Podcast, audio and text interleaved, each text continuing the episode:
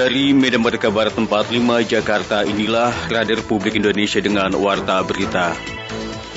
Program pembangunan ibu kota negara di Kalimantan Timur adalah bagian penting dari transformasi itu. Program IKN bukan sekedar pindah gedung pemerintahan, bukan itu. Dan saya mau diperhatikan ada peningkatan signifikan transmisi lokal. Tadi jauh jaraknya kan, impor sama lokal.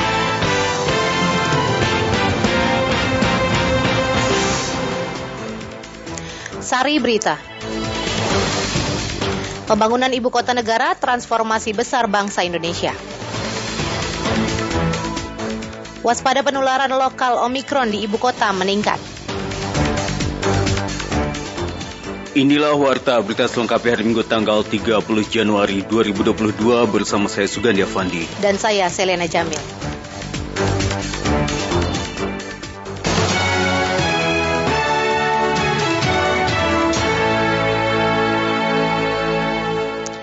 Mengawali warta berita siang ini kami hadirkan sekilas berita.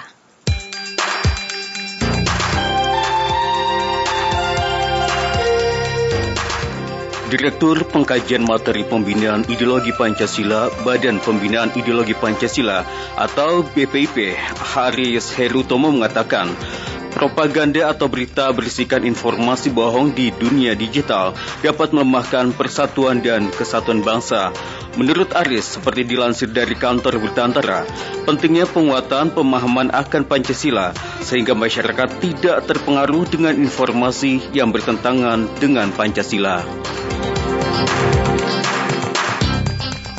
Ribuan penerbangan baik masuk atau keluar Amerika Serikat dibatalkan pada Sabtu 29 Januari 2022 waktu setempat akibat badai salju dan angin kencang.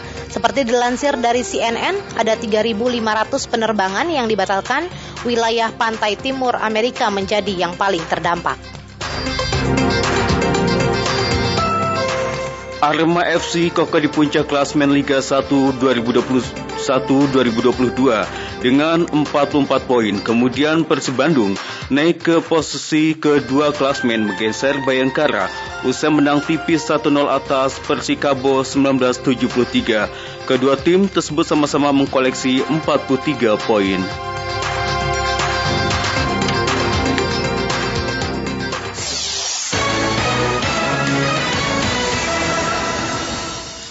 Presiden Joko Widodo mengatakan pemerintah tengah bekerja keras mewujudkan transformasi di berbagai bidang, termasuk program pembangunan ibu kota negara atau IKN di Kalimantan Timur. IKN juga bukan hanya sekedar memindahkan gedung pemerintah, tetapi membangun kehidupan sosial yang lebih adil.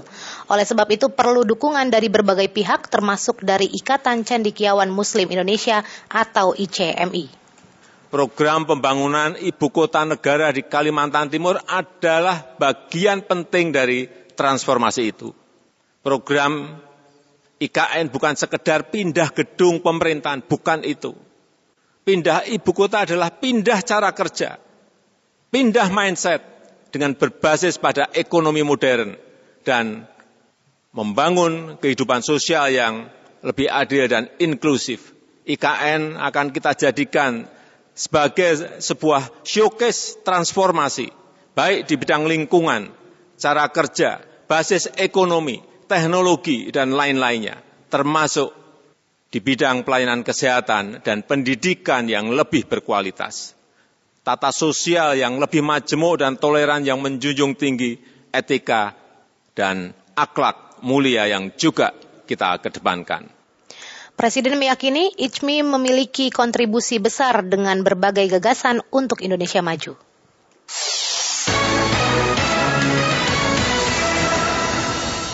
Kuasa hukum dari Dr. G memastikan kliennya menjalankan tugas sesuai dengan prosedur dalam pemberian vaksin ke siswa SD di Kota Medan. Dokter berinisial G adalah tersangka dalam kasus dugaan penyuntikan vaksin kosong. Berikut Joko Saputra melaporkan. Penyidik juga sudah melakukan pemeriksaan dan saat ini sudah meningkatkan penanganan perkara Kepolisian daerah Sumatera Utara akhirnya telah meningkatkan status penyidikan dugaan penyuntikan vaksin kosong yang dilakukan tenaga vaksinator terhadap pelajar sekolah dasar di Kota Medan. Dari hasil gelar perkara, tim Direktorat Reserse Kriminal Umum dan Kriminal Khusus Polda Sumatera Utara telah menetapkan dokter berinisial G yang merupakan vaksinator sebagai tersangka. Kapolda Sumatera Utara Irjen Pol Pancaputra Simanjuntak dalam jumpa pers di Mako Polda Sumatera Utara mengatakan pihak kepolisian sudah melakukan pemeriksaan dan pengecekan terhadap kandungan cairan vaksin di dalam tubuh pelajar yang mendapat vaksinasi. Dari hasil pemeriksaan laboratorium, ternyata tidak ditemukan adanya kandungan vaksin di dalam tubuh anak tersebut. Penyidik sudah melakukan pemeriksaan terhadap saksi-saksi, termasuk melakukan pemeriksaan secara laboratorium terhadap anak yang viral itu terkait dengan kandungan imun yang ada di dalam tubuhnya kalau dia benar-benar ada vaksinnya. Ternyata hasilnya ya dugaan kita memang tidak ditemukan. Penyidik juga sudah melakukan pemeriksaan dan saat ini sudah meningkatkan penanganan perkara ke tingkat penyidikan dan sudah menetapkan tersangka satu orang saat ini yaitu dokter Gita ya dokter Gita. Meski ditetapkan sebagai tersangka, Panca mengungkapkan pihaknya tidak melakukan penahanan terhadap tersangka G karena ancaman hukumannya di bawah lima tahun. Meski begitu, pihaknya masih terus melakukan penyelidikan untuk mengungkap ada tidaknya tersangka lain dalam kasus tersebut. Sementara belum ditahan, tidak ditahan karena ancaman hukuman yang disampaikan itu di bawah lima tahun, di bawah lima tahun.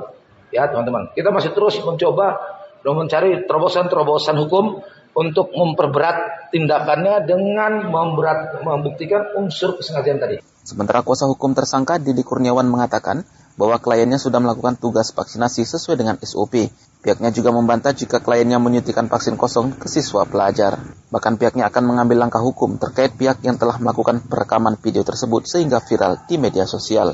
Bahwa setelah kami lakukan observasi yang mendalam terhadap saudara TGA dan saudara DSS, klien kami tersebut telah melakukan tugasnya dengan baik sesuai dengan SOP bahwa saudara TGA itu telah melakukan tugasnya dengan baik seputar memvaksin anak tersebut. Sebelumnya, Dr. G merupakan tenaga vaksinasi pada kegiatan vaksin bagi anak sekolah dasar usia 6 hingga 11 tahun di salah satu sekolah swasta di kota Medan pada 17 Januari lalu. Kasus mencuat setelah video yang direkam orang tua murid viral di media sosial. Dari data sementara, pihak kepolisian menyimpulkan ada lebih dari satu siswa yang disuntikkan vaksin kosong. Dengan kejadian tersebut, Panca mengingatkan untuk masyarakat tidak takut menjalani vaksinasi demi imunitas dalam pencegahan dan penyebaran COVID-19. Demikian Joko Saputra melaporkan. Kita memang tidak ditemukan Pemerintah Provinsi DKI Jakarta meminta warga untuk waspada penyebaran COVID-19 Omikron karena penularan lokal yang meningkat. Warga diminta tetap di rumah jika tidak ada keperluan yang mendesak. Kami hadirkan informasi bersama Alfred Stuter. COVID Jakarta, update COVID Jakarta. Wakil Gubernur Jakarta Ahmad Riza Patria di Balai Kota mengingatkan penularan virus Omikron melalui transmisi lokal mengalami peningkatan yang signifikan. Artinya, kata dia saat ini penularan varian Omikron tidak hanya didominasi dari luar negeri saja, tapi sudah berkembang di tengah masyarakat. Untuk itu, ia meminta agar warga waspada tetap berada di rumah saja bila tidak memiliki kebutuhan yang mendesak. Dan saya mau diperhatikan ada peningkatan signifikan transmisi lokal. Tadi jauh jaraknya kan, impor sama lokal. Berarti sekarang di antara kita nih saling menularkan. Bukan cuma orang datang dari luar negeri. Jadi harus lebih hati-hati. Tempat terbaik tetap di rumah, laksanakan protokol kesehatan. Kondisi ini langsung mendapat respon beragam dari masyarakat. Ada yang khawatir, ada pula yang meminta agar pembatasan mobilitas masyarakat kembali diperketat untuk mencegah semakin melonjaknya kasus COVID-19. Saya Doni, warga Jakarta. Waduh, serem juga ya kalau begini. Nanti malah sampai ke lingkungan kita lagi. Semoga enggak deh. Saya Harun sebagai warga Jakarta meminta agar pembatasan diperketat sajalah biar nggak terjadi lonjakan. Adapun kini jumlah kasus Omikron di Jakarta telah mencapai 2.525 orang dengan rincian sebanyak 1.372 orang terpapar dalam perjalanan luar negeri, sementara sisanya sebanyak 1.152 orang terpapar lewat transmisi lokal.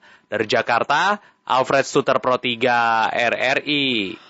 Pemerintah Kabupaten Sleman menjadwal ulang event pariwisata menyusul prediksi ancaman gelombang ketiga pandemi COVID-19 karena varian Omikron terus meningkat. Berikut kami hadirkan Wahyu Suryo.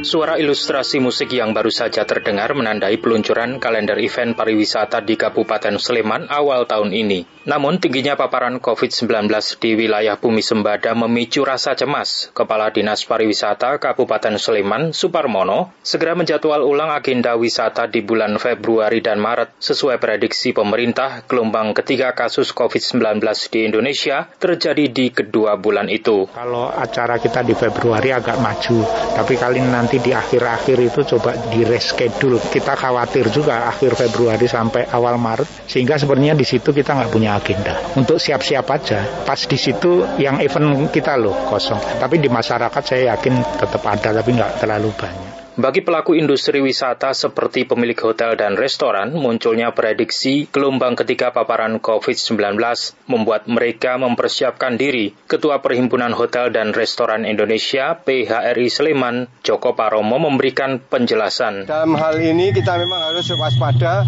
dan kita harus memberikan imbauan atau ajakan terhadap teman-teman PHRI yang ada di Sleman untuk tetap menjaga prokes, kemudian peduli lindungi itu juga harus kita tinggalkan tingkatkan. Kemudian kita harus berani menyapa, menegur ketika memang tidak melakukan prokes dengan baik, kita harus eh, berani menegur. PHRI Sleman juga mengapresiasi upaya pemerintah yang kini mulai memberikan vaksin booster bagi masyarakat. Joko berharap upaya ini bisa meningkatkan imunitas menghadapi gelombang ketiga kasus COVID-19.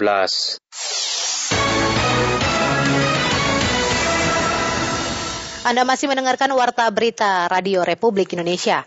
Dua hari jelang Imlek, kawasan Asmk Jakarta mulai dipadati warga yang membeli pernak-pernik Imlek. Bagaimana situasi di sana? Kita sudah terhubung dengan reporter kami, Rian Suryadi. Rian? Iya, baik dengar Pro 3 RRI bahwa memang saat ini saya sedang berada di kawasan Pasar Glodok, Jakarta Barat. Karena memang di sini penjual pernak-pernik Imlek di kawasan Glodok Jakarta Barat mulai ramai pada hari Minggu hari ini dan memang pantauan di lokasi para pedagang yang menjual berbagai perlengkapan Imlek mulai dari lampion, gantungan bunga sakura dan juga masih banyak lagi terlihat. Dan para pengunjung pun sudah mulai memadati kawasan ASMK dan Pasar Glodok ini sejak pagi tadi dan di mana mayoritas dari para pengunjung tersebut membeli pernak-pernik Imlek dari lampion, amplop, dan juga dodol Cina dan saat ini dengar saya sudah bersama salah satu pengunjung bernama Pak Isa. Selamat siang Pak Isa.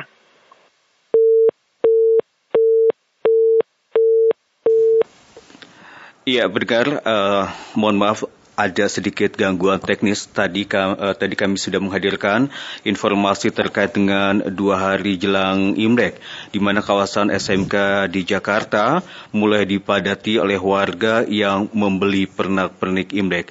Dan uh, kawasan uh, SMK ini banyak sekali nih Sally. Uh, banyak sekali pernak-pernik yang dijual oleh pedagang untuk memenuhi kebutuhan warga dalam merayakan Imlek. Baik, kita sudah terhubung dengan Rian Suryadi. Rian, silakan laporan Anda. Iya, baik. Gandhi bahwa memang tadi kami sempat bertemu salah satu pengunjung bernama Pak Isa dan saat ini Pak Isa selamat siang Pak Isa. Selamat siang. Pak Isa, tadi dari kapan Pak ke sini untuk memberi pernak-pernik Imlek? Sebenarnya saya sudah dari pagi ya Mas, hmm. karena saya pikir saya kebetulan kan lumayan jauh jaraknya. Jadi saya uh, berencana untuk biar tidak terlalu mengantri begitu atau ramai di tempat ketika saya membeli. Kenapa sih Faisal lebih milih ke pasar Glodok sini? Faisal kan katanya jaraknya lebih jauh. Uh, kenapa ya? Karena mungkin karena saya sudah dari dari keturunan ayah dan ibu saya memang biasa beli di sini, mas. Hmm, berarti sekarang uh, udah beli apa aja nih, Faisal? Oh, udah banyak, Mas. Udah udah udah ada yang mungkin kalau keluarga sih lebih mengutamakan kayak pernak-pernik dulu ya seperti kayak lampion dan dan yang lain-lain gitu untuk keperluan di rumah sih. Ya, pendengar kita beralih ke informasi lainnya. Perayaan Imlek tahun 2022 di Buleleng, Bali dilakukan secara sederhana karena kasus COVID-19 varian Omikron meningkat. Umat Tridharma diminta merayakan Imlek di rumah masing-masing. Berikut dari Buleleng, Agi Aryasa melaporkan. Perayaan menyambut Imlek 2573 tahun 2022 di Kabupaten Buleleng bakal diselenggarakan secara sederhana mengingat pandemi belum berakhir dan kembali meningkatnya kasus baru penyebaran COVID-19 di Bali Utara. Seluruh umat dan simpatisan tempat ibadat Tridharma Seng Hong Bio, Ling Guang Kiong Singaraja diharapkan menggelar peribadatan dan persembahyangan di rumah masing-masing bersama keluarga. Keputusan yang diterbitkan secara mendadak mengingat dinamika COVID-19 di Kabupaten Buleleng yang semakin melonjak signifikan. Ketua TITD Seng Hong Bio, Ling Guang Kiong, Singaraja, Wirasanjaya dikonfirmasi RRI sebut perayaan Imlek kali ini merupakan perayaan tahun ketiga di tengah pandemi. Kendati dirinya meminta umat Tridharma melaksanakan ritual persembahyangan menyambut Imlek di rumah masing-masing, namun Wira Sanjaya berpesan untuk umat Tridharma tidak mengurangi makna dan esensi perayaan Imlek tahun ini. Jadi kami mengambil sikap Pak dalam rangka membantu pemerintah memutus rantai penyebaran COVID-19 yang mana saat ini di Buleleng lagi meningkat dan kami ada sama ketua tempat ibadah Tridharma memutuskan untuk tidak merayakan perayaan tahun baru Imlek di tempat ibadah kami. Hmm. Akan tetapi ritual persembahyangan di tempat kami tetap dilaksanakan oleh petugas yang sudah disiapkan untuk itu. Dan kami imbau kepada umat Tridharma yang berada di Kabupaten Buleleng untuk dapat merayakan ibadahnya dari rumah masing-masing. Lain sisi dikonfirmasi terpisah, salah satu umat Tridharma David menyebutkan perayaan Tahun Baru Cina yang menuntut harus melaksanakan peribadatan di rumah masing-masing direspon positif. Dirinya berharap upaya yang telah dilakukan dapat mencegah penyebaran COVID-19 di Buleleng. Itu untuk harapan kita yaitu kita sebagai apa namanya masyarakat Tionghoa yang ada di seputaran Kabupaten Buleleng untuk sembahyang di rumah masing-masing untuk kita dapat memutus tali lanting COVID-19 yang terbaru varian Omicron. Sebagai informasi tradisi Cap Gomeh yang jatuh pada tanggal ke-15 di bulan pertama tahun baru Cina atau 15 hari setelah perayaan Imlek bakal diputuskan Ketua TITD Seng Hong Bio Ling Guang Kiong Singaraja melihat dinamika perkembangan COVID-19 di Bali Utara. Reporter RRI Singaraja Anggi Arya melaporkan.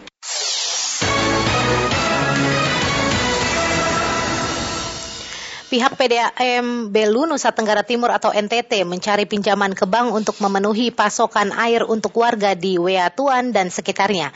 Berikut Febi Leo Lede melaporkan.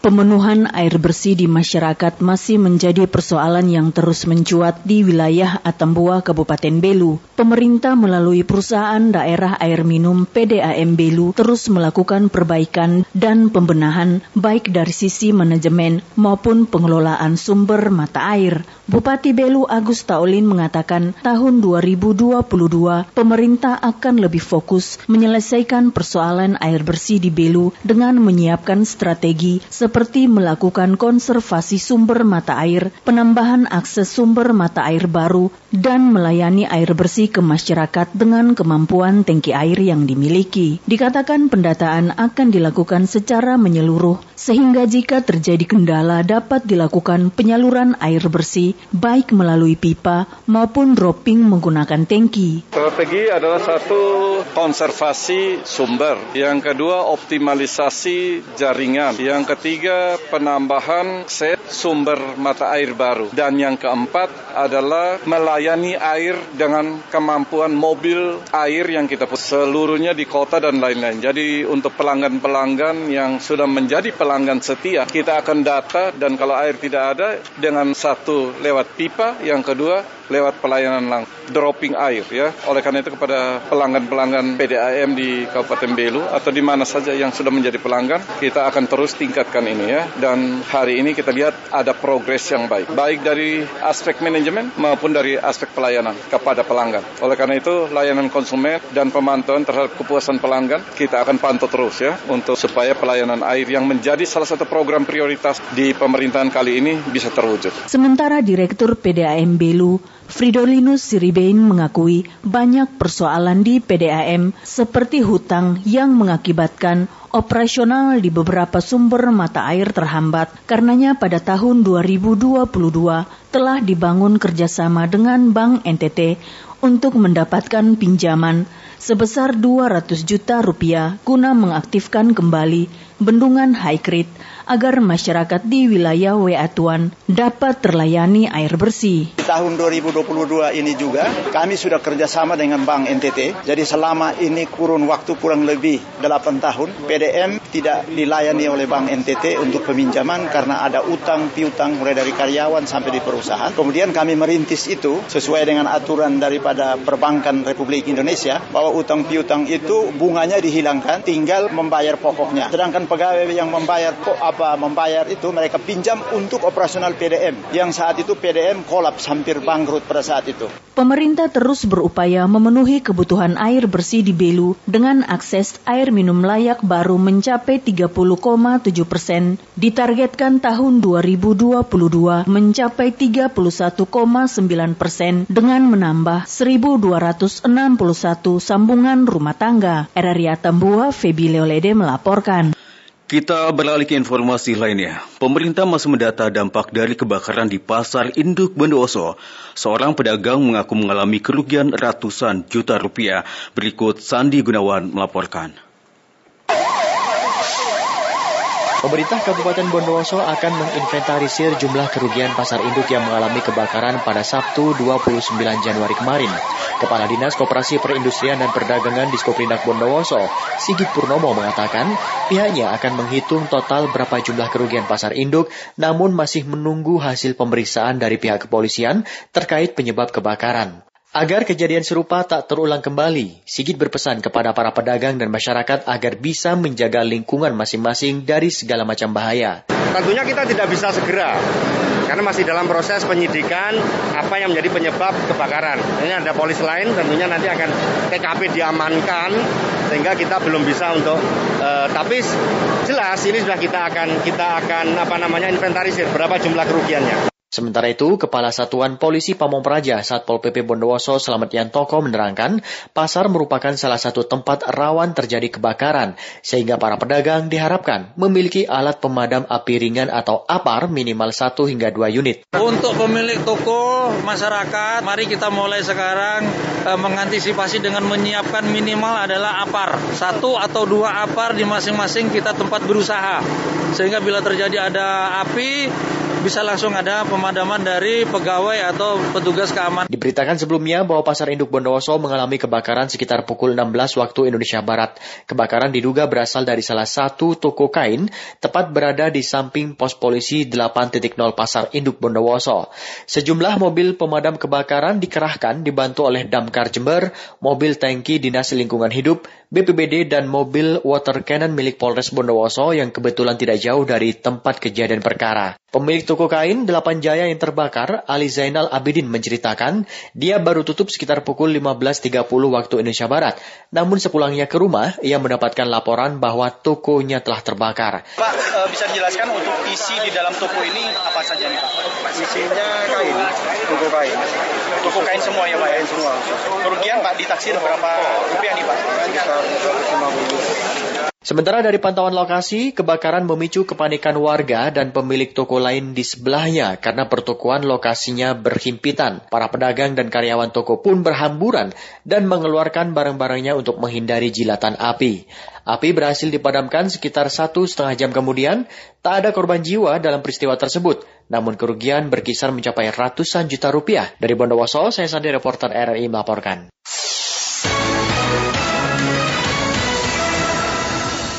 Beralih ke berita mancanegara, pendengar Organisasi Kesehatan Dunia atau WHO masih meneliti ancaman virus COVID-19 Neokov.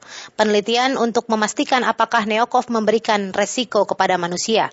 WHO bekerja sama dengan sejumlah organisasi global seperti Organisasi Kesehatan Hewan Dunia dan Organisasi Pangan Dunia untuk memonitor dan merespon ancaman penyakit zoonosis, yakni penyakit yang ditularkan oleh hewan.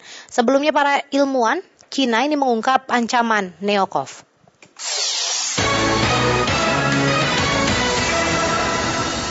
Kita beralih ke berita olahraga. Pelatih tim nasional Indonesia Sintayong diharapkan berani menurunkan pemain muda pada laga kedua leg FIFA Matchday jumpa tim nasional Timur Leste yang berlangsung di Stadion Kapten Iwayan Dipta Gianyar Bali yang berlangsung malam nanti. Pemerhati sepak bola nasional IM Kusnaini menilai pelatih Sin harus berani menurunkan pemain muda guna melihat kualitas mereka, khususnya untuk menghadapi turnamen non senior ke depan karena secara kualitas timnas Indonesia lebih diunggulkan dilakukan. Hal itu disampaikan Kusnaini dalam perbincangan bersama Pro 3 RRI. Bahkan menurut saya pemain kita dari segi pengalaman bertanding itu sedikit di atas pemain-pemain Timor Leste. Karena pemain Timor Leste kan kompetisinya tidak seketat, tidak se apa ya frekuensinya tidak setinggi kompetisi kita. Mhm. Jadi siapa pun yang diturunkan, apakah itu pemain yang sudah berpengalaman seperti Evan Dimas, Marcelino, saya pikir tidak akan terlalu banyak berbeda. Malah saya pikir di pertandingan kali ini harusnya Coach Sintayong memang harus lebih banyak menurunkan pemain yang lebih muda yang diproyeksikan untuk Piala AFF U23. Ini kan waktunya nggak banyak lagi. Jadi daripada menurunkan Evan Dimas, saya cenderung lebih menurunkan Marcelino. Daripada menurunkan pemain yang uh, ber, apa, berpengalaman seperti Farudin, saya cenderung uh, Sintayong menguji duet Rizky Rido hmm. dengan Alveandra. Karena mungkin duet ini yang nanti akan main di Piala AFF U23. Begitu juga di posisi penjaga, penjaga gawang, kenapa nggak mencoba Adi Satrio yang menurut saya punya potensi menjadi salah satu alternatif di posisi kiper selain Riyandi, selain Hernando. Pada laga kedua yang akan berlangsung malam nanti, diharapkan skuad timnas Indonesia bermain dengan karakter seperti laga sebelumnya, yakni mampu bermain kolektif, cepat sehingga kemungkinan bisa menggapai kemenangan dengan skor maksimal ketimbang pada laga perdana jumpa Timur Leste sebelumnya.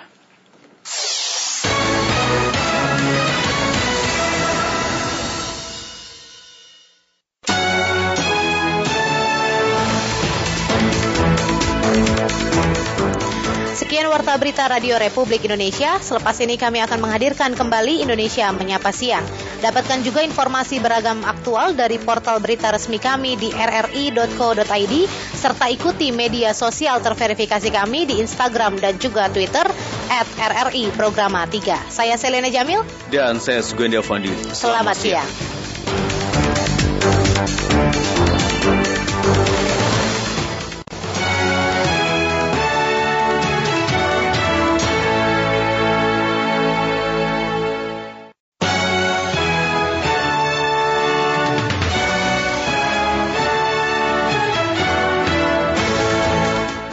Dari Medan Merdeka Barat 45 Jakarta inilah Radio Republik Indonesia dengan Warta Berita. Transformasi ekonomi digital juga tidak luput dari perhatian kita.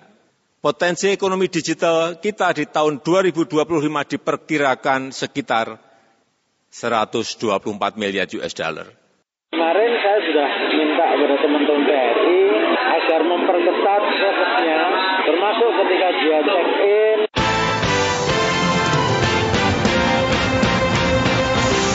Sari Berita, Presiden Jokowi menyebut potensi ekonomi digital Republik Indonesia bisa mencapai 124 miliar dolar Amerika Serikat.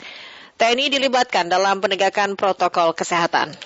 Inilah warta berita selengkapnya hari Minggu tanggal 30 Januari 2022 bersama saya Sugandi Avandi. Dan saya Amir Arif.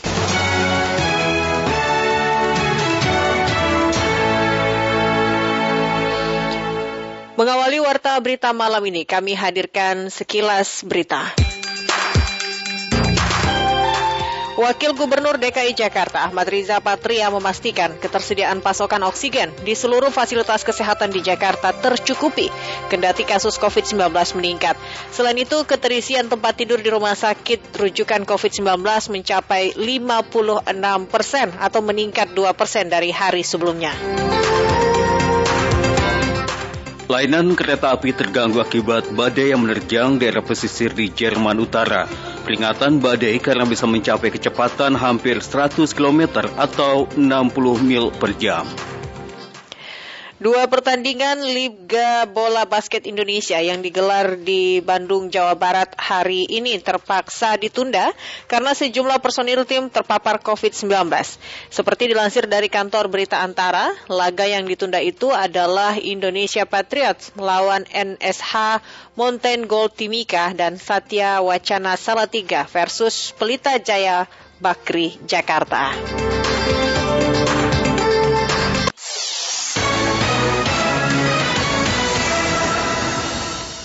Presiden Joko Widodo mengatakan pemerintah memberikan perhatian untuk perkembangan ekonomi digital karena potensinya akan semakin meningkat.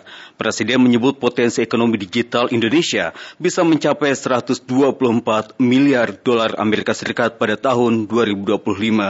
Penjelasan itu disampaikan Kepala Negara seperti diunggah di YouTube Sekretariat Presiden.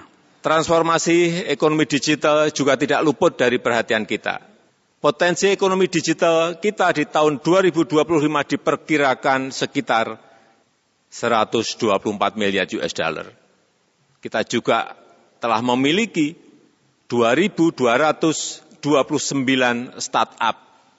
Kita memiliki satu dekakorn dan delapan unicorn.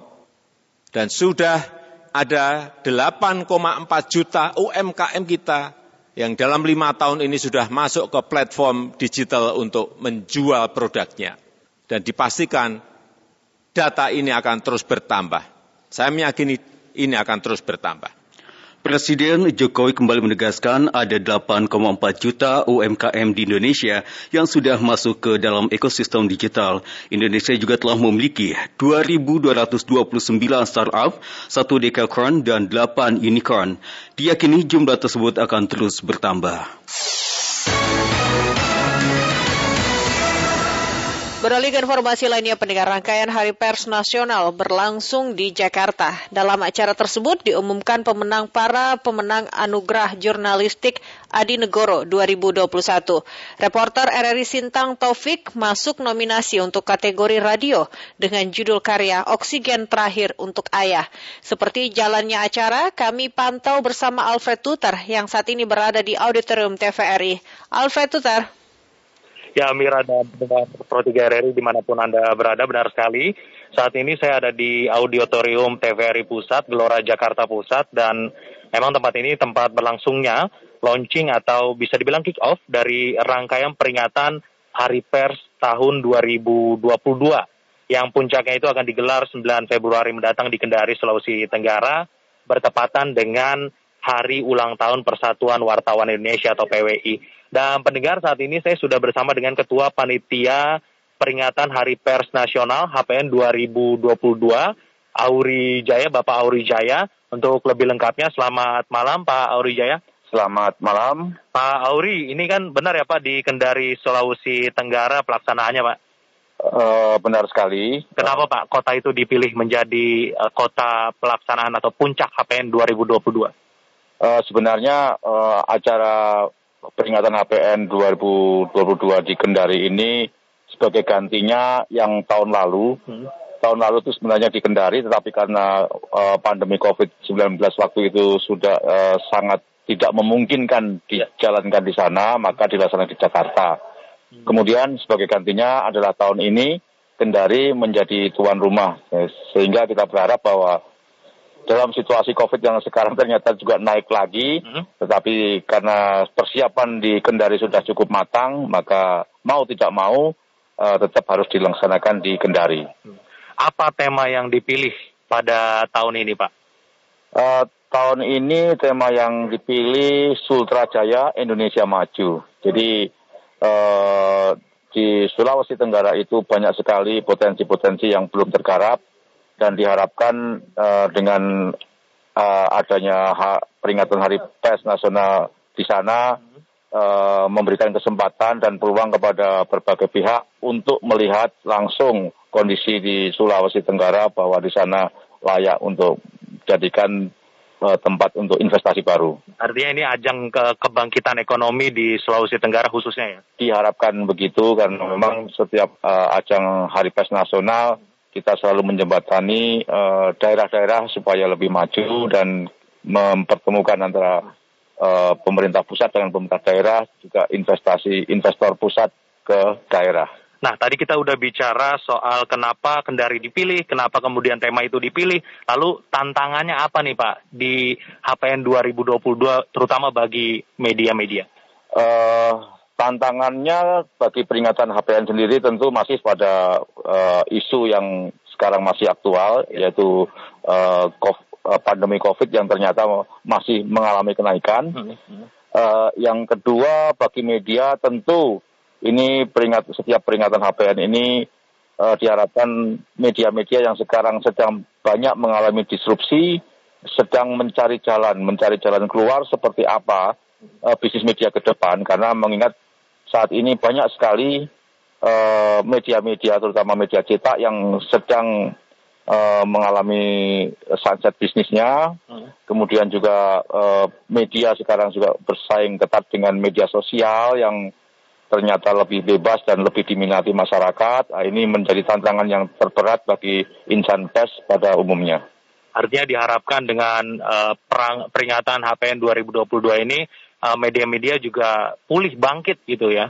Diharapkan begitu, paling tidak kita menemukan model bisnis seperti apa sih yang akan bisa kita jalankan ke depannya, karena memang sekarang ini banyak sekali model bisnis, tetapi untuk mengkapitalisasinya kita dihadapkan kepada tantangan-tantangan yang lebih global lagi. Baik, terima kasih Pak Uri untuk penjelasan terkait dengan peringatan HPN 2022.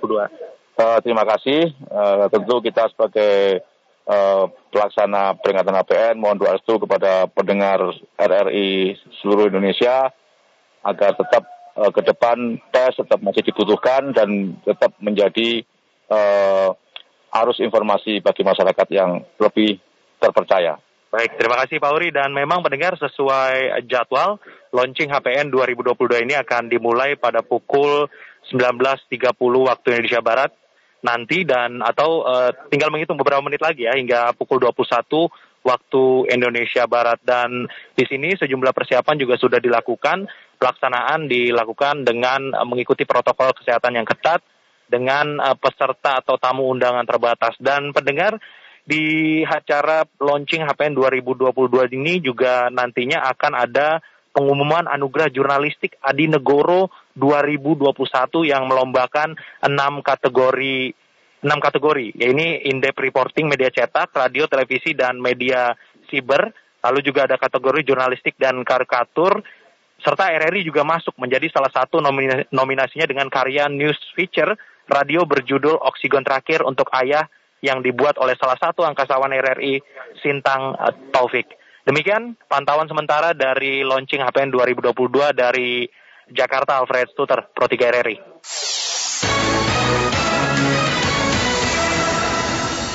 Anda masih mendengarkan Warta Berita Radio Republik Indonesia. Satgas Kota Yogyakarta melibatkan TNI untuk menegakkan protokol kesehatan, termasuk untuk pelaku perjalanan dari luar negeri.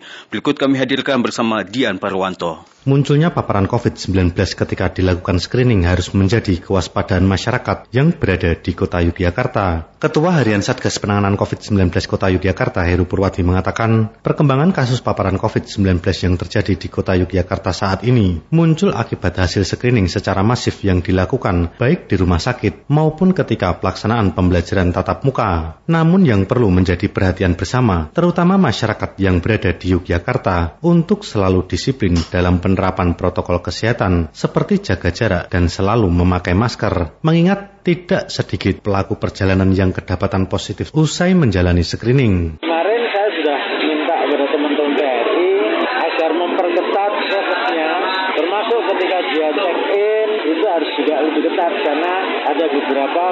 perjalanan ini kemudian ternyata uh, positif ketika PCR mau pulang. Diakui meski kasus COVID-19 di kota Yogyakarta cukup fluktuatif dan cenderung meningkat, namun hingga saat ini belum ditemukan adanya paparan COVID akibat varian Omikron. Kita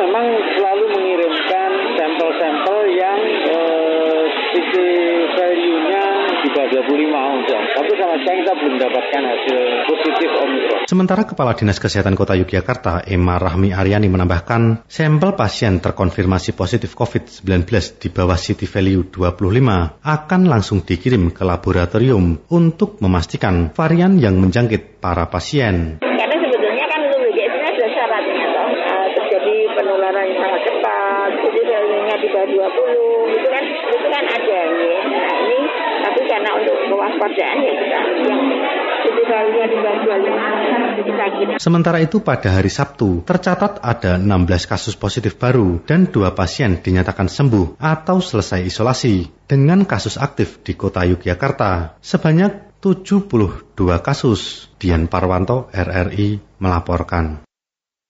Menteri Kesehatan Budi Gunadi Sadikin mengatakan penyebaran COVID-19 Omikron lebih cepat ketimbang Delta, namun tingkat keparahan Omikron lebih rendah. Oleh sebab itu, penanganan antara Delta dan Omikron berbeda. Omikron ini sedikit berbeda dengan menghadapi gelombang Delta. Omikron ini yang tinggi penularannya, tapi keparahannya rendah. Karena sebagian besar adalah OTG, orang tanpa gejala atau asimptomatik, atau dia sakitnya ringan. Jadi total pasien yang sudah kita lihat terkena Omikron sampai sekarang ada 1988. Dan kalau ada lansia yang komorbid yang kena, itu diprioritaskan untuk dikirim ke rumah sakit. Konsultasi aja ke telemedicine, nanti akan digadas oleh dokternya, akan dikirim obat-obatan. Kapasitas pertasan kita ada ada 80 ribu, kapasitas maksimal kita 120-130 ribu. Menteri Kesehatan Budi Gunadi meminta masyarakat untuk tetap memakai masker dan patuh dengan protokol kesehatan.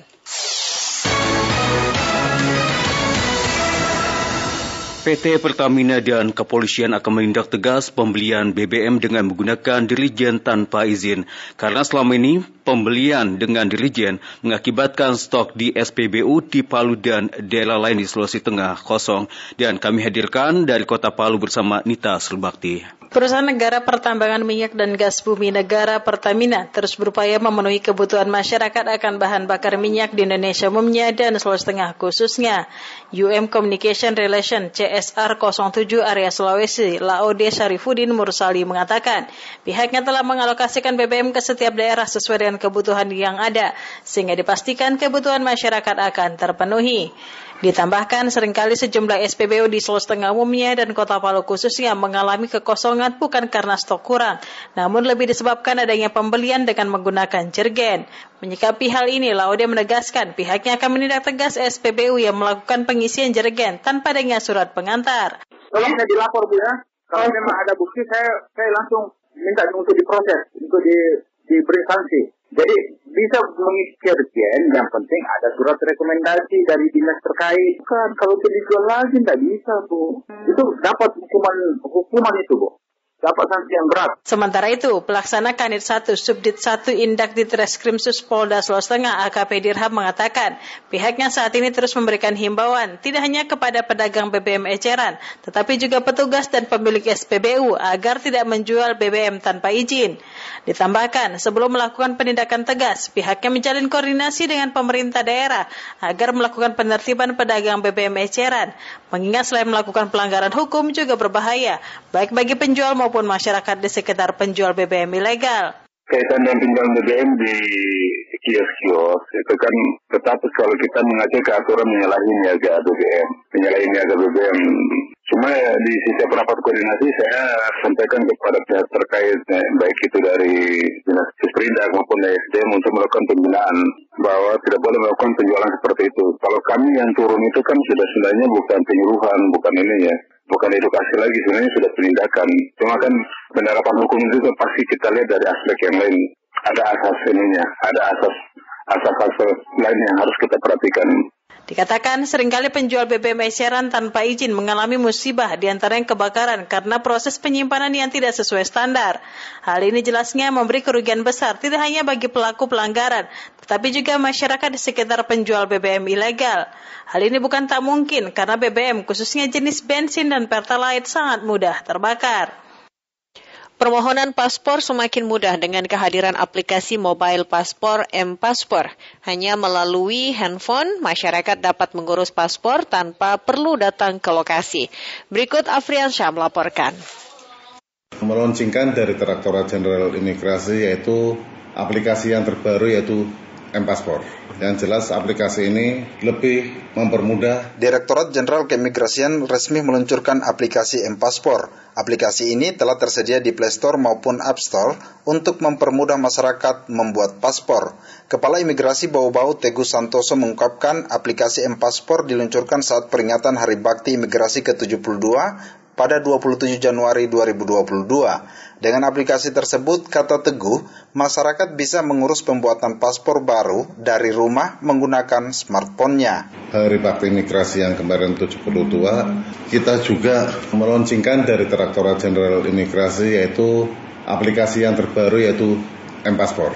Yang jelas aplikasi ini lebih mempermudah kepada masyarakat. Kemudahan yang diberikan jadi kan e, masyarakat akan bikin paspor bisa dari di rumah melalui handphone untuk mendaftarkan. Selain itu, kata Teguh, dengan aplikasi tersebut masyarakat bebas memilih waktu untuk mengurus paspor, tidak seperti mengurus secara manual, di mana masyarakat harus datang ke kantor imigrasi saat waktu-waktu pelayanan mereka masyarakat bisa memilih jam berapa, hari apa. Uh, pokoknya di situ kita sudah masukin semuanya, udah daftarkan. Setelah daftarkan, masyarakat tinggal bayar ke bank.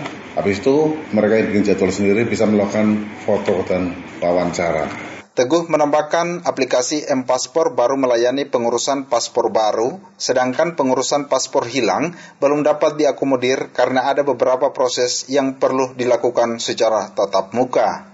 Reporter Ribau Bau, Afriansa, melaporkan.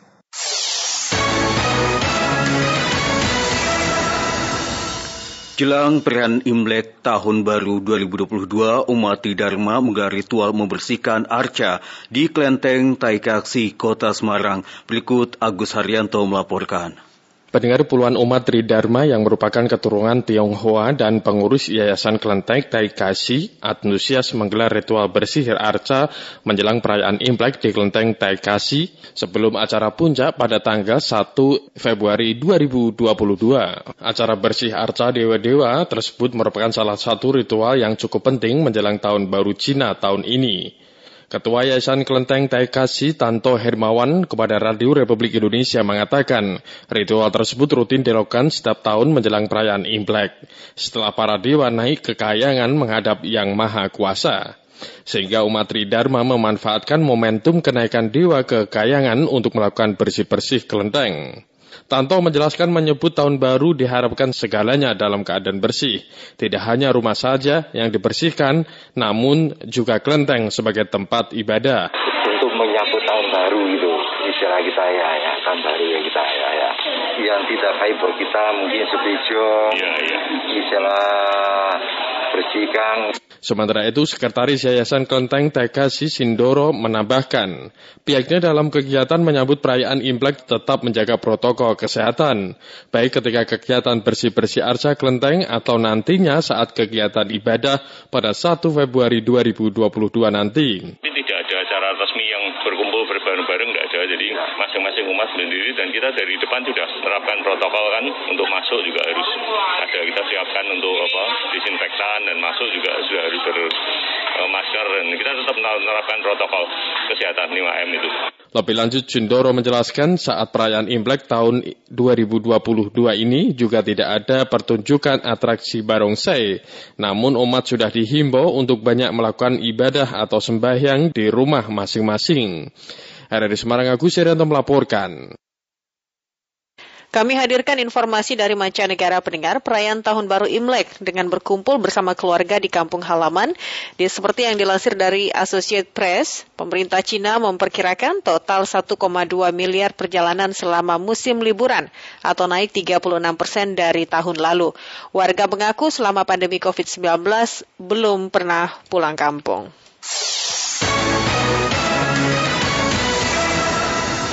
Selanjutnya kami hadirkan dari berita olahraga.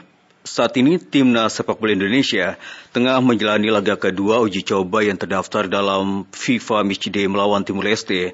Pelatih Shin Taeyong berharap skuad Garuda dapat belajar dari kesalahan di pertandingan pertama dan mampu tampil lebih baik.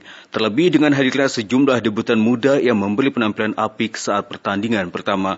Berikut Niar Abdul Litiloli melaporkan.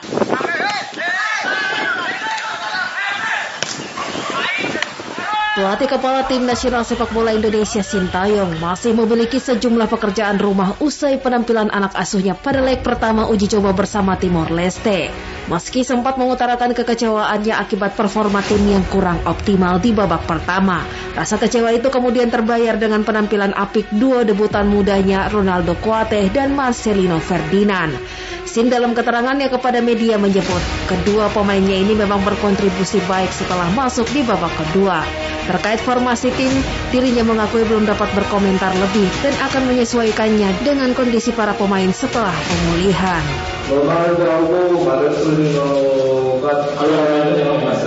Dari awal waktu buat tapi untuk masih pas masih berapa?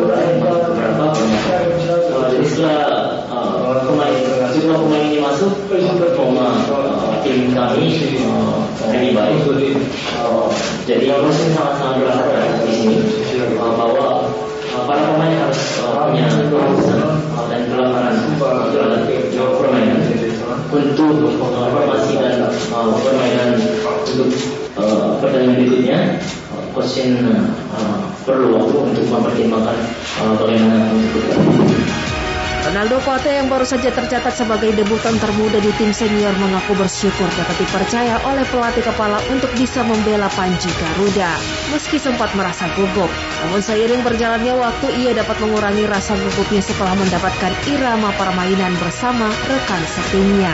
Ya, puji Tuhan pertama saya sangat bersyukur kepada Tuhan dan terima kasih kepada tim pelatih telah bisa mempercayakan saya kemarin untuk bermain pertandingan pertama saya di timnas senior dan semoga saya bisa lebih baik lagi. Masih banyak yang harus saya perbaiki dan semoga di pertandingan selanjutnya saya bisa lebih baik lagi pasti adalah rasa nervous sedikit tapi ya apa semakin waktu semakin ya nervousnya sedikit hilang tapi saya harus lebih kerja keras lagi dan semoga di pertandingan selanjutnya tidak ada nervous lagi dan bisa lebih baik saat ini Indonesia tengah menjalani laga kedua uji coba bersama Timor Leste yang bertempat di Stadion Kapten Iwayan Dipta Gianyar, Bali. Sebelumnya, pada laga pertama, Indonesia meraih kemenangan 4-1. Kemenangan ini memperpanjang rekor manis skuad Garuda yang selalu menang atas tim berjuluk The Rising Sun tersebut. Dari Jakarta, Mira Puyutinoli, Pro 3 RRI.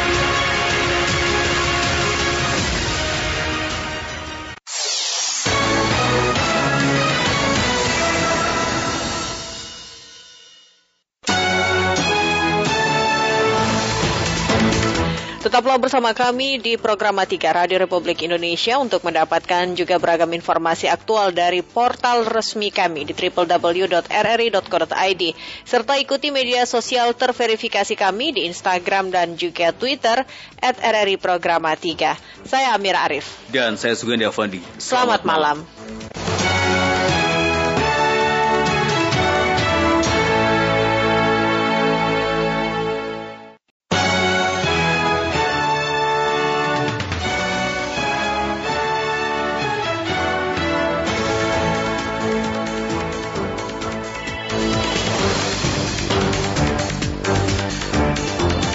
Perkara pukul 7 waktu Indonesia Barat dari Medan Merdeka Barat 45 Jakarta inilah Radio Republik Indonesia dengan Warta Berita.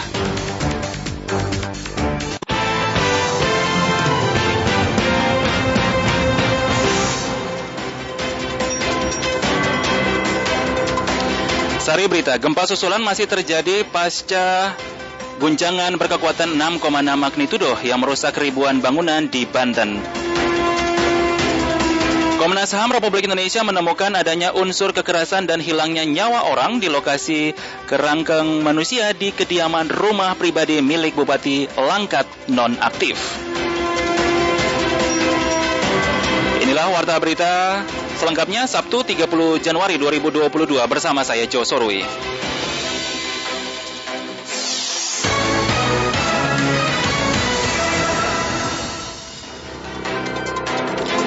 Mengawali warta berita pagi ini kami sampaikan sekilas berita. Pemerintah mengingatkan masyarakat untuk tidak menyepelekan gejala ringan varian Omikron karena rendahnya angka kasus COVID-19 bisa jadi merupakan akibat dari kurangnya testing dan tracing per daerah. Menteri Koperasi dan UM, UKM Teten Masduki optimistis produk dan merek lokal usaha mikro kecil dan menengah UMKM Indonesia dapat bersaing di pasar dunia.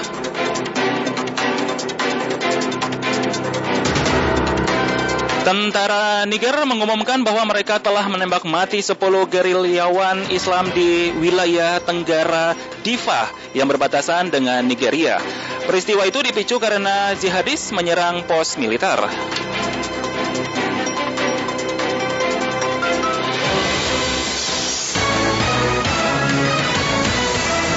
Dan kita mulai dengan informasi yang pertama di saat ini. Gempa susulan masih terjadi pasca guncangan berkekuatan 6,6 magnitudo yang merusak ribuan bangunan di Banten. Tercatat dua minggu sejak peristiwa tersebut, Banten sudah diguncang 94 kejadian gempa. Informasi ini selengkapnya dilaporkan Dendi Fahrensyah. Selatan Banten ini memang karena memang produknya gempa ada di wilayah ini kan ada Sabdam dan generator penggerak penggeraknya lah Indo Australia yang sangat aktif selalu di sini sering terjadi gempa. Dalam dua pekan terakhir, Banten sudah diguncang 94 kali kejadian gempa bumi.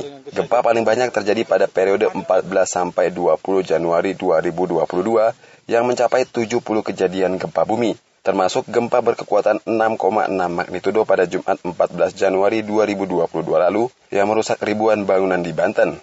Kepala Stasiun Geofisika Kelas 1 Tangerang BMKG Suwardi menerangkan, pada periode 21 sampai 27 Januari 2022, gempa bumi tektonik hanya terjadi sebanyak 24 kejadian atau lebih rendah 66% persen frekuensi kejadiannya dibanding periode sebelumnya.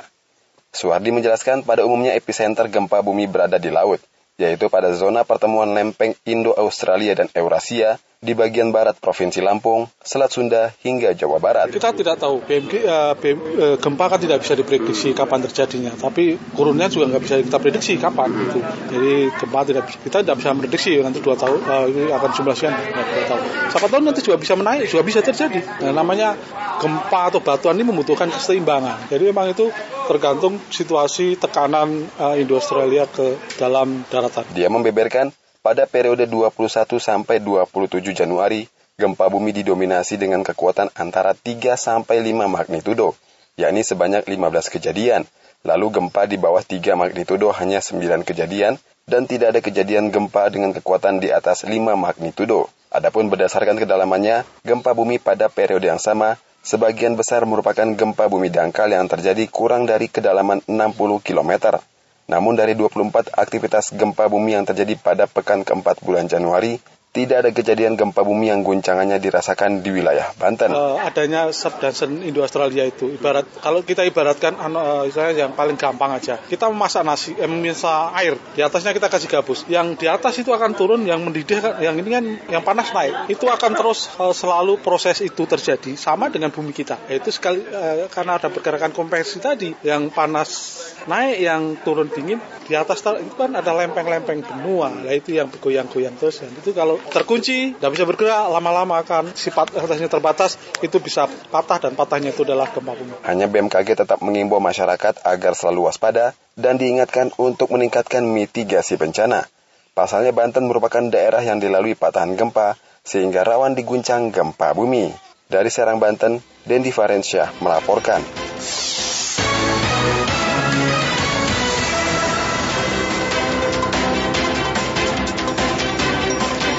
Presiden Joko Widodo mengatakan program Ibu Kota Negara IKN akan menjadi showcase transformasi baik di bidang lingkungan, cara kerja, basis ekonomi, teknologi termasuk bidang layanan kesehatan dan pendidikan berkualitas. Berikut laporan Pradipta Rahadi.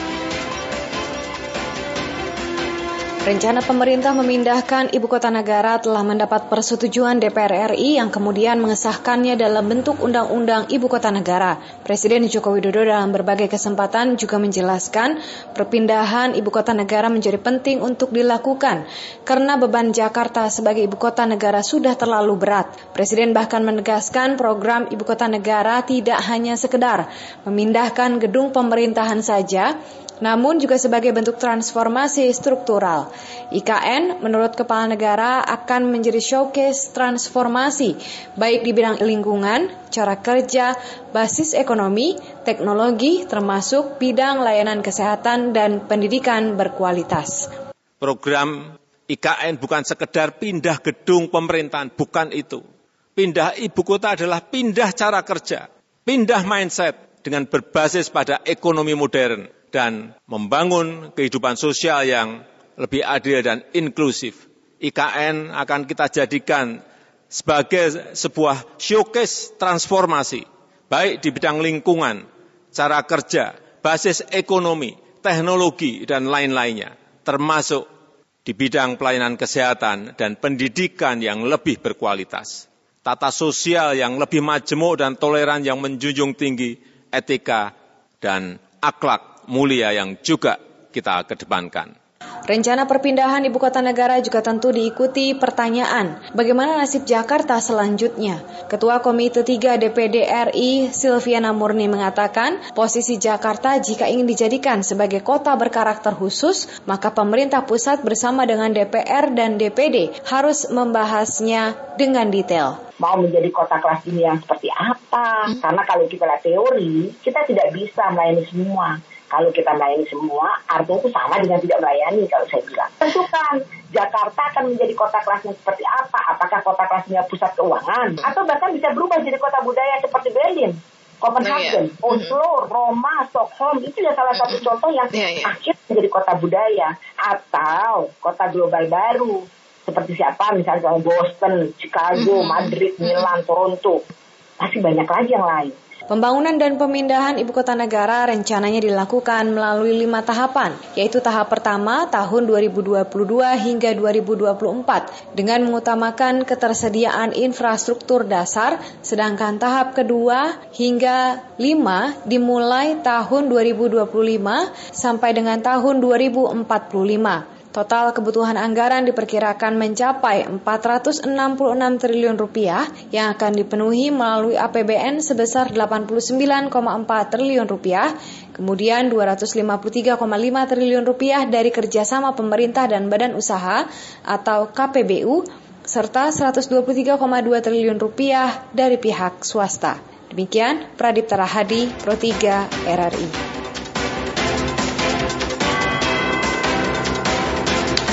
Direktur Dana Transfer Umum Kementerian Keuangan Adrianto menjelaskan landasan undang-undang hubungan keuangan antara pemerintah pusat dan daerah ditujukan agar tidak ada ketimpangan di daerah. Fitra Maria melaporkan. Berarti yang dulunya seimbang sekarang dihubung-hubungkan gitu kan.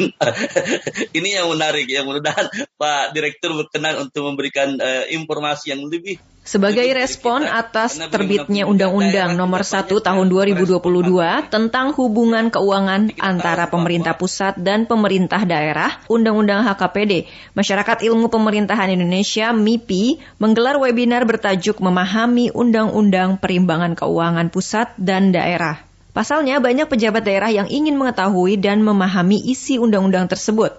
Direktur Dana Transfer Umum Kementerian Keuangan Adrianto menyampaikan, landasan dari Undang-Undang HKPD ini terdiri dari hubungan keuangan antara pemerintah pusat dengan pemerintah daerah, pelayanan umum, serta pemanfaatan sumber daya.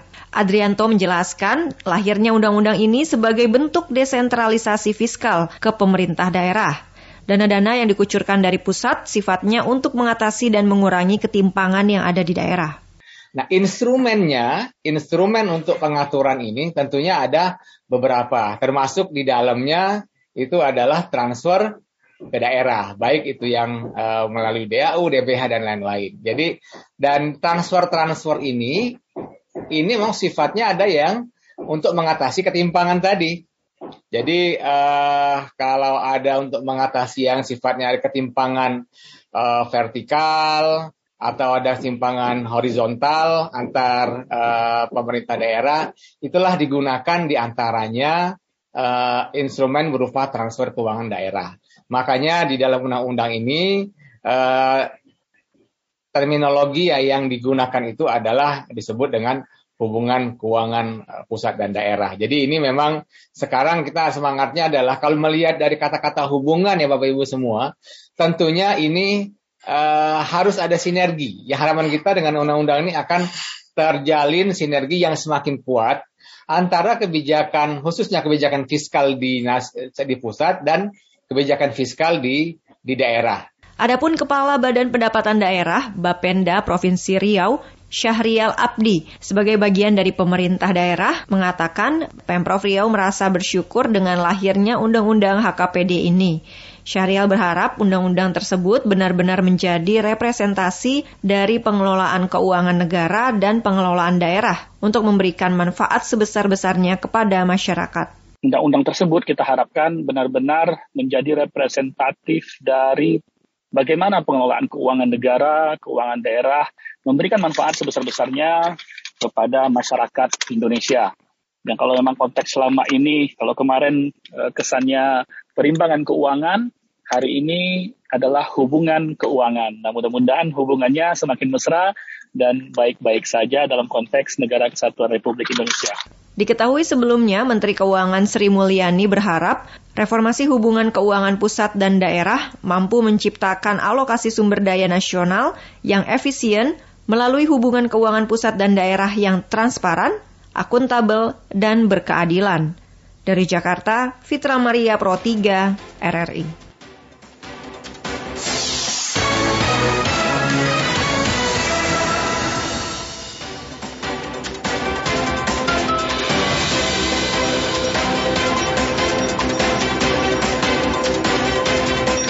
Wakil Gubernur Jakarta Ahmad Riza Patria mengungkapkan kini tinggal dua sekolah di Jakarta yang masih ditutup sementara karena kasus COVID-19.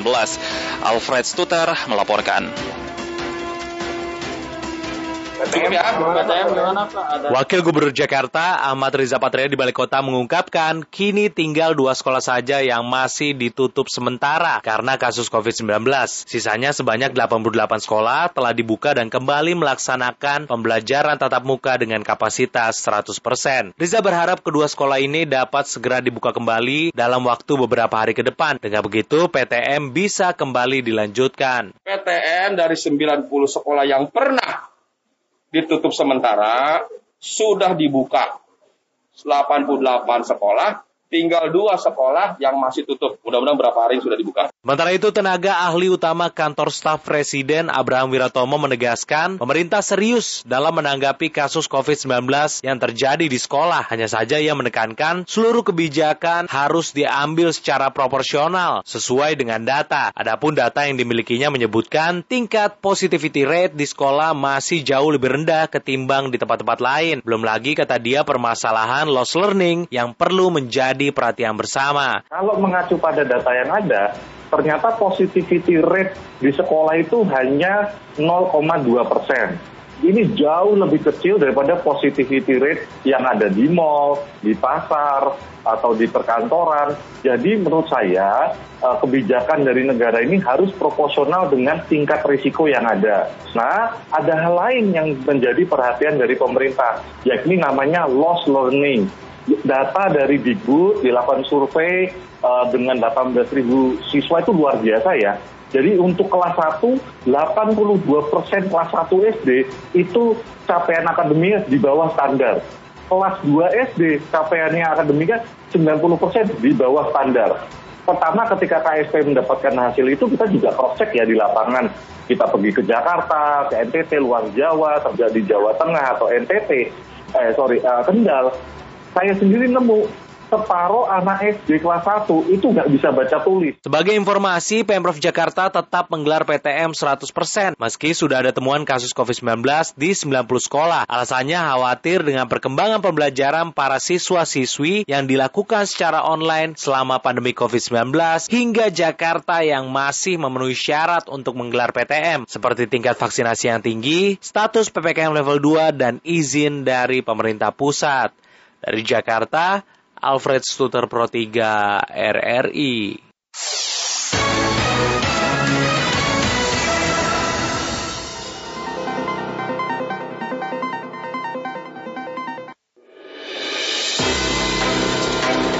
Terima kasih Anda masih menyimak Warta Berita Produksi Pusat Pemberitaan Program 3 Radio Republik Indonesia. Jumlah kasus terkonfirmasi positif COVID-19 di SMA warga kota Solo kembali bertambah 4 orang, sehingga total menjadi 25 orang positif. Laporan Mulato Ishan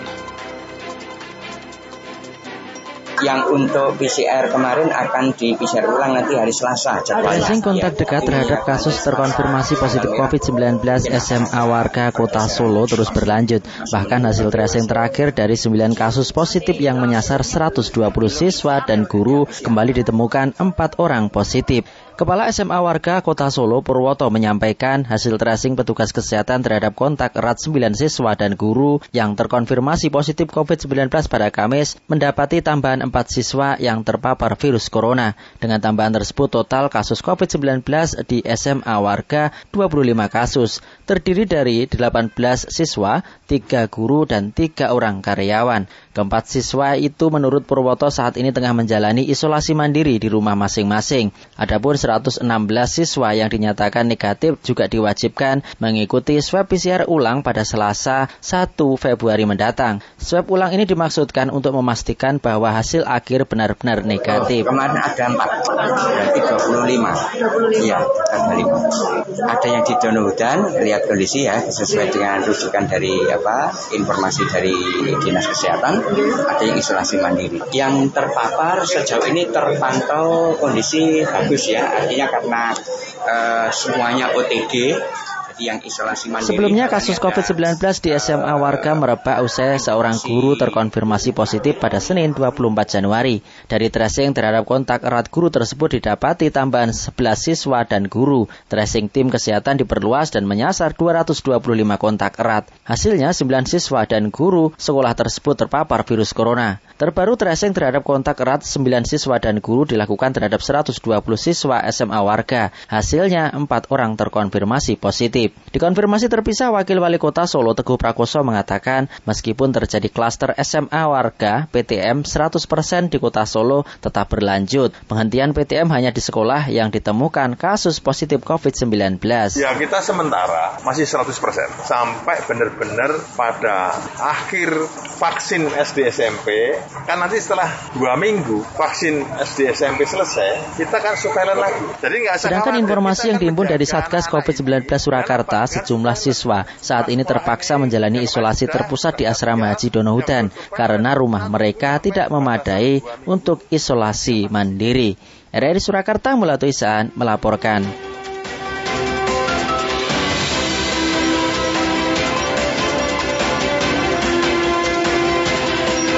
Rumah Sakit Umum Pusat Dr. M. Jamil Padang tetap menyiagakan fasilitas rawatan ruang isolasi bagi pasien positif COVID-19. Ratusan tempat tidur di ruang isolasi dapat kembali diaktifkan apabila kasus positif COVID-19 terus meningkat di Sumatera Barat. Berikut Melati Oktawina melaporkan. 349 ini bisa difungsikan lagi dalam waktu cepat bisa. Karena fasilitas itu tidak dirubah, hanya pintu masuknya dibuka lagi. Tetapi kalau sudah ditutup itu aktif lagi. Pejabat pemberi informasi dan dokumentasi PPID RSUP Dr. M. Jamil Padang, Gustavianov mengungkapkan, RSUP Dr. M. Jamil Padang memiliki sebanyak 349 tempat tidur yang berfungsi sebagai fasilitas rawatan pasien positif COVID-19. Namun sejak beberapa bulan terakhir, kasus positif COVID-19 melandai dan bahkan sudah tidak ada lagi pasien COVID-19 yang dirawat, membuat pihak rumah sakit mempergunakan sebagian besar tempat tidur dimaksud untuk layanan pasien umum atau reguler. Menurut Gustavianov, pihak rumah sakit tetap menyiagakan sebanyak 54 tempat tidur untuk pasien positif COVID-19 yang membutuhkan perawatan. Penyagaan fasilitas rawatan tetap dilakukan agar saat ada pasien positif COVID-19, penanganan dapat dilakukan dengan cepat. Gustavianov meyakinkan pengaktifan kembali fasilitas rawatan bagi pasien positif COVID-19 tidaklah membutuhkan waktu yang lama, sebab tidak ada fasilitas yang dirubah dan sumber daya manusia juga tetap memadai. Dari segi fasilitas, kemudian sumber daya manusia dia menjamin siap untuk membantu masyarakat Sumatera Barat. Kalau mereka tertimpa musibah COVID-19, kita siap untuk membantu. Kalau di M Jamil itu fasilitas isolasinya itu kan uh, banyak ada 349 tempat tidur untuk isolasi. Karena pasiennya itu drastis uh, berkurang dan tidak ada sudah beberapa bulan, tentu uh, apa pasien-pasien reguler itu kan butuh tempat pelayanan maka kita fungsikan sebahagian dari 349 itu tapi kita tetap tinggalkan sekitar 54 tempat tidur. PPID RSUP Dr. M. Jamil Padang Gustavianov menambahkan, empat petugas RSUP Dr. M. Jamil Padang yang terkonfirmasi positif COVID-19 varian Omikron masih menjalani isolasi mandiri di rumah. Mereka terdeteksi positif setelah melakukan pemeriksaan PCR usai pulang perjalanan dinas dari luar kota. Kondisi empat petugas tersebut hanya mengalami gejala ringan. Melati Oktawina melaporkan.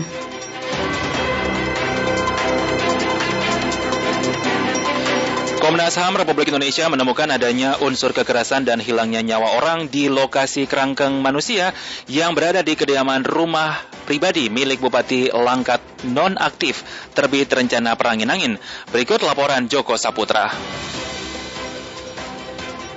Faktanya kita temukan memang terjadi satu proses. Komisi Hak Asasi Manusia Komnas HAM Republik Indonesia kembali melakukan penyelidikan terkait adanya unsur kekerasan yang terjadi di sebuah kerangkeng manusia yang berada di rumah pribadi Bupati Langkat nonaktif terbit rencana perangin angin. Dari hasil penelusuran tim, Komnas HAM menemukan adanya unsur kekerasan di lokasi yang dijadikan rehabilitasi bagi pengguna narkoba dan kenakalan remaja. Komisioner Pemantau Penyelidikan Komnas HAM Republik Indonesia Muhammad Khairul Anam Usia menyambangi Mapolda Sumatera Utara Sabtu 29 Januari 2022 mengatakan, dari hasil penyelidikan tim menemukan adanya proses rehabilitasi dengan indikasi kekerasan fisik bahkan hingga menyebabkan hilangnya nyawa.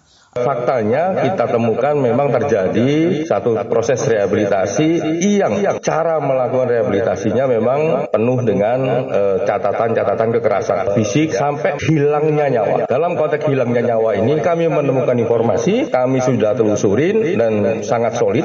Tadi kami sampaikan juga kepada Pak Kapolda, kepada teman-teman Polda Sumut. Tapi ternyata teman-teman Polda Sumut juga menelusuri hal yang sama, menelusuri itu dengan korban yang berbeda sehingga memang kalau ditanya oleh teman-teman nantinya, oh, itu yang meninggal berapa? Pasti lebih dari satu. Di satu sisi terkait dugaan adanya perbudakan modern yang dilakukan di tempat rehabilitasi, pihaknya belum dapat menyimpulkan kebenaran itu. Namun Ana menyimpulkan bahwa lokasi tersebut memang tidak memiliki izin, termasuk kerangkeng manusia yang diakui sebagai tempat rehabilitasi para pengguna narkoba jauh dari kelayakan. Apakah rehabilitasi ini benar ataukah tidak? Di tengah kami proses juga melakukan itu, itu tempat yang tidak memiliki izin. Jadi ada satu proses tahun 2016 yang sudah dicek, ternyata nggak nggak memiliki izin sama BNK sana, terus diminta untuk mengurus izin dan lain sebagainya. Namun faktanya sampai hari ini tidak memiliki izin. Sementara Kapolda Sumatera Utara Irjen Pol Pancaputra menjelaskan, pihaknya masih terus mendalami adanya penemuan kasus kekerasan hingga yang menyebabkan hilangnya nyawa orang, termasuk pihak yang bertanggung jawab terhadap kasus yang sedang dalam proses pendalaman. Tidak hanya itu, tim penyidik dari Polda Sumatera Utara juga terus menelusuri dokumen penitipan rehabilitasi dari keluarga yang jumlahnya mencapai 656 orang sejak tahun 2010, termasuk izin legalitas dari pembangunan panti rehabilitasi yang menyerupai penjara ada 30 orang oleh tim dari saya. Dan ini kita terus berkembang. Nanti akan kita naikkan. Kapan menaikkan ke penyidikan? Nanti berdasarkan hasil penyelidikan. Itu ada mekanismenya ya. Kami penyidik minta keterangan kepada semua pihak yang terkait dengan masalah tersebut. Di mana pun dia. Jadi tidak usah khawatir, kita akan datang.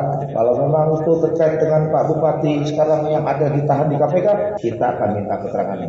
Selain adanya dugaan kasus kekerasan kepada para penghuni kerangkeng manusia di kediaman rumah pribadi Bupati Langkat nonaktif terbit rencana perangin angin. Sebelumnya, tim dari Balai Besar Konservasi dan Sumber Daya Alam BBKSDA Sumatera Utara juga telah menyita satwa dilindungi, termasuk satu ekor orang hutan Sumatera dari kediaman terbit. Informasi ini diperoleh setelah tim penyidik KPK menemukan adanya fakta baru dugaan tindak pidana yang dilakukan terbit pasca operasi tangkap tangan atas kasus dugaan korupsi pembangunan proyek infrastruktur pemerintah Kabupaten Langkat periode 2020-2022. Demikian Joko Saputra melaporkan. Kita akan minta keterangan.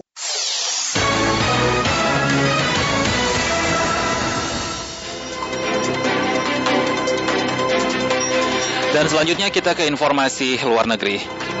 Komisioner Tinggi HAM PBB Michelle Bachelet meminta masyarakat internasional meningkatkan tekanan terhadap junta militer Myanmar untuk menghentikan kekerasan terhadap publik dan segera memulihkan pemerintahan sipil.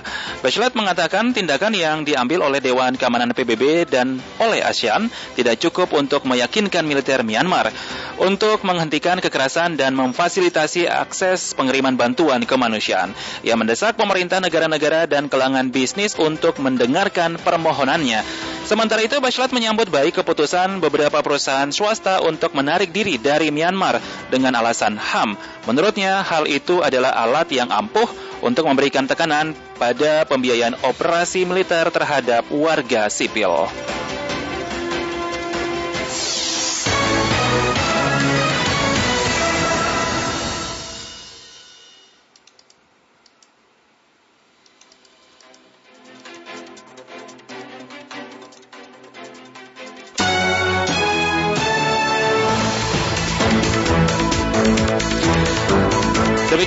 Berita Pro 3 Radio Republik Indonesia. Kami harap Anda tetap bersama kami untuk menyimak informasi aktual lainnya dalam program Indonesia Menyapa. Dapatkan juga informasi aktual dalam portal resmi kami www.rri.co.id serta ikuti media sosial terverifikasi kami di Instagram dan Twitter at Programa 3. Saya Josorwi, selamat pagi.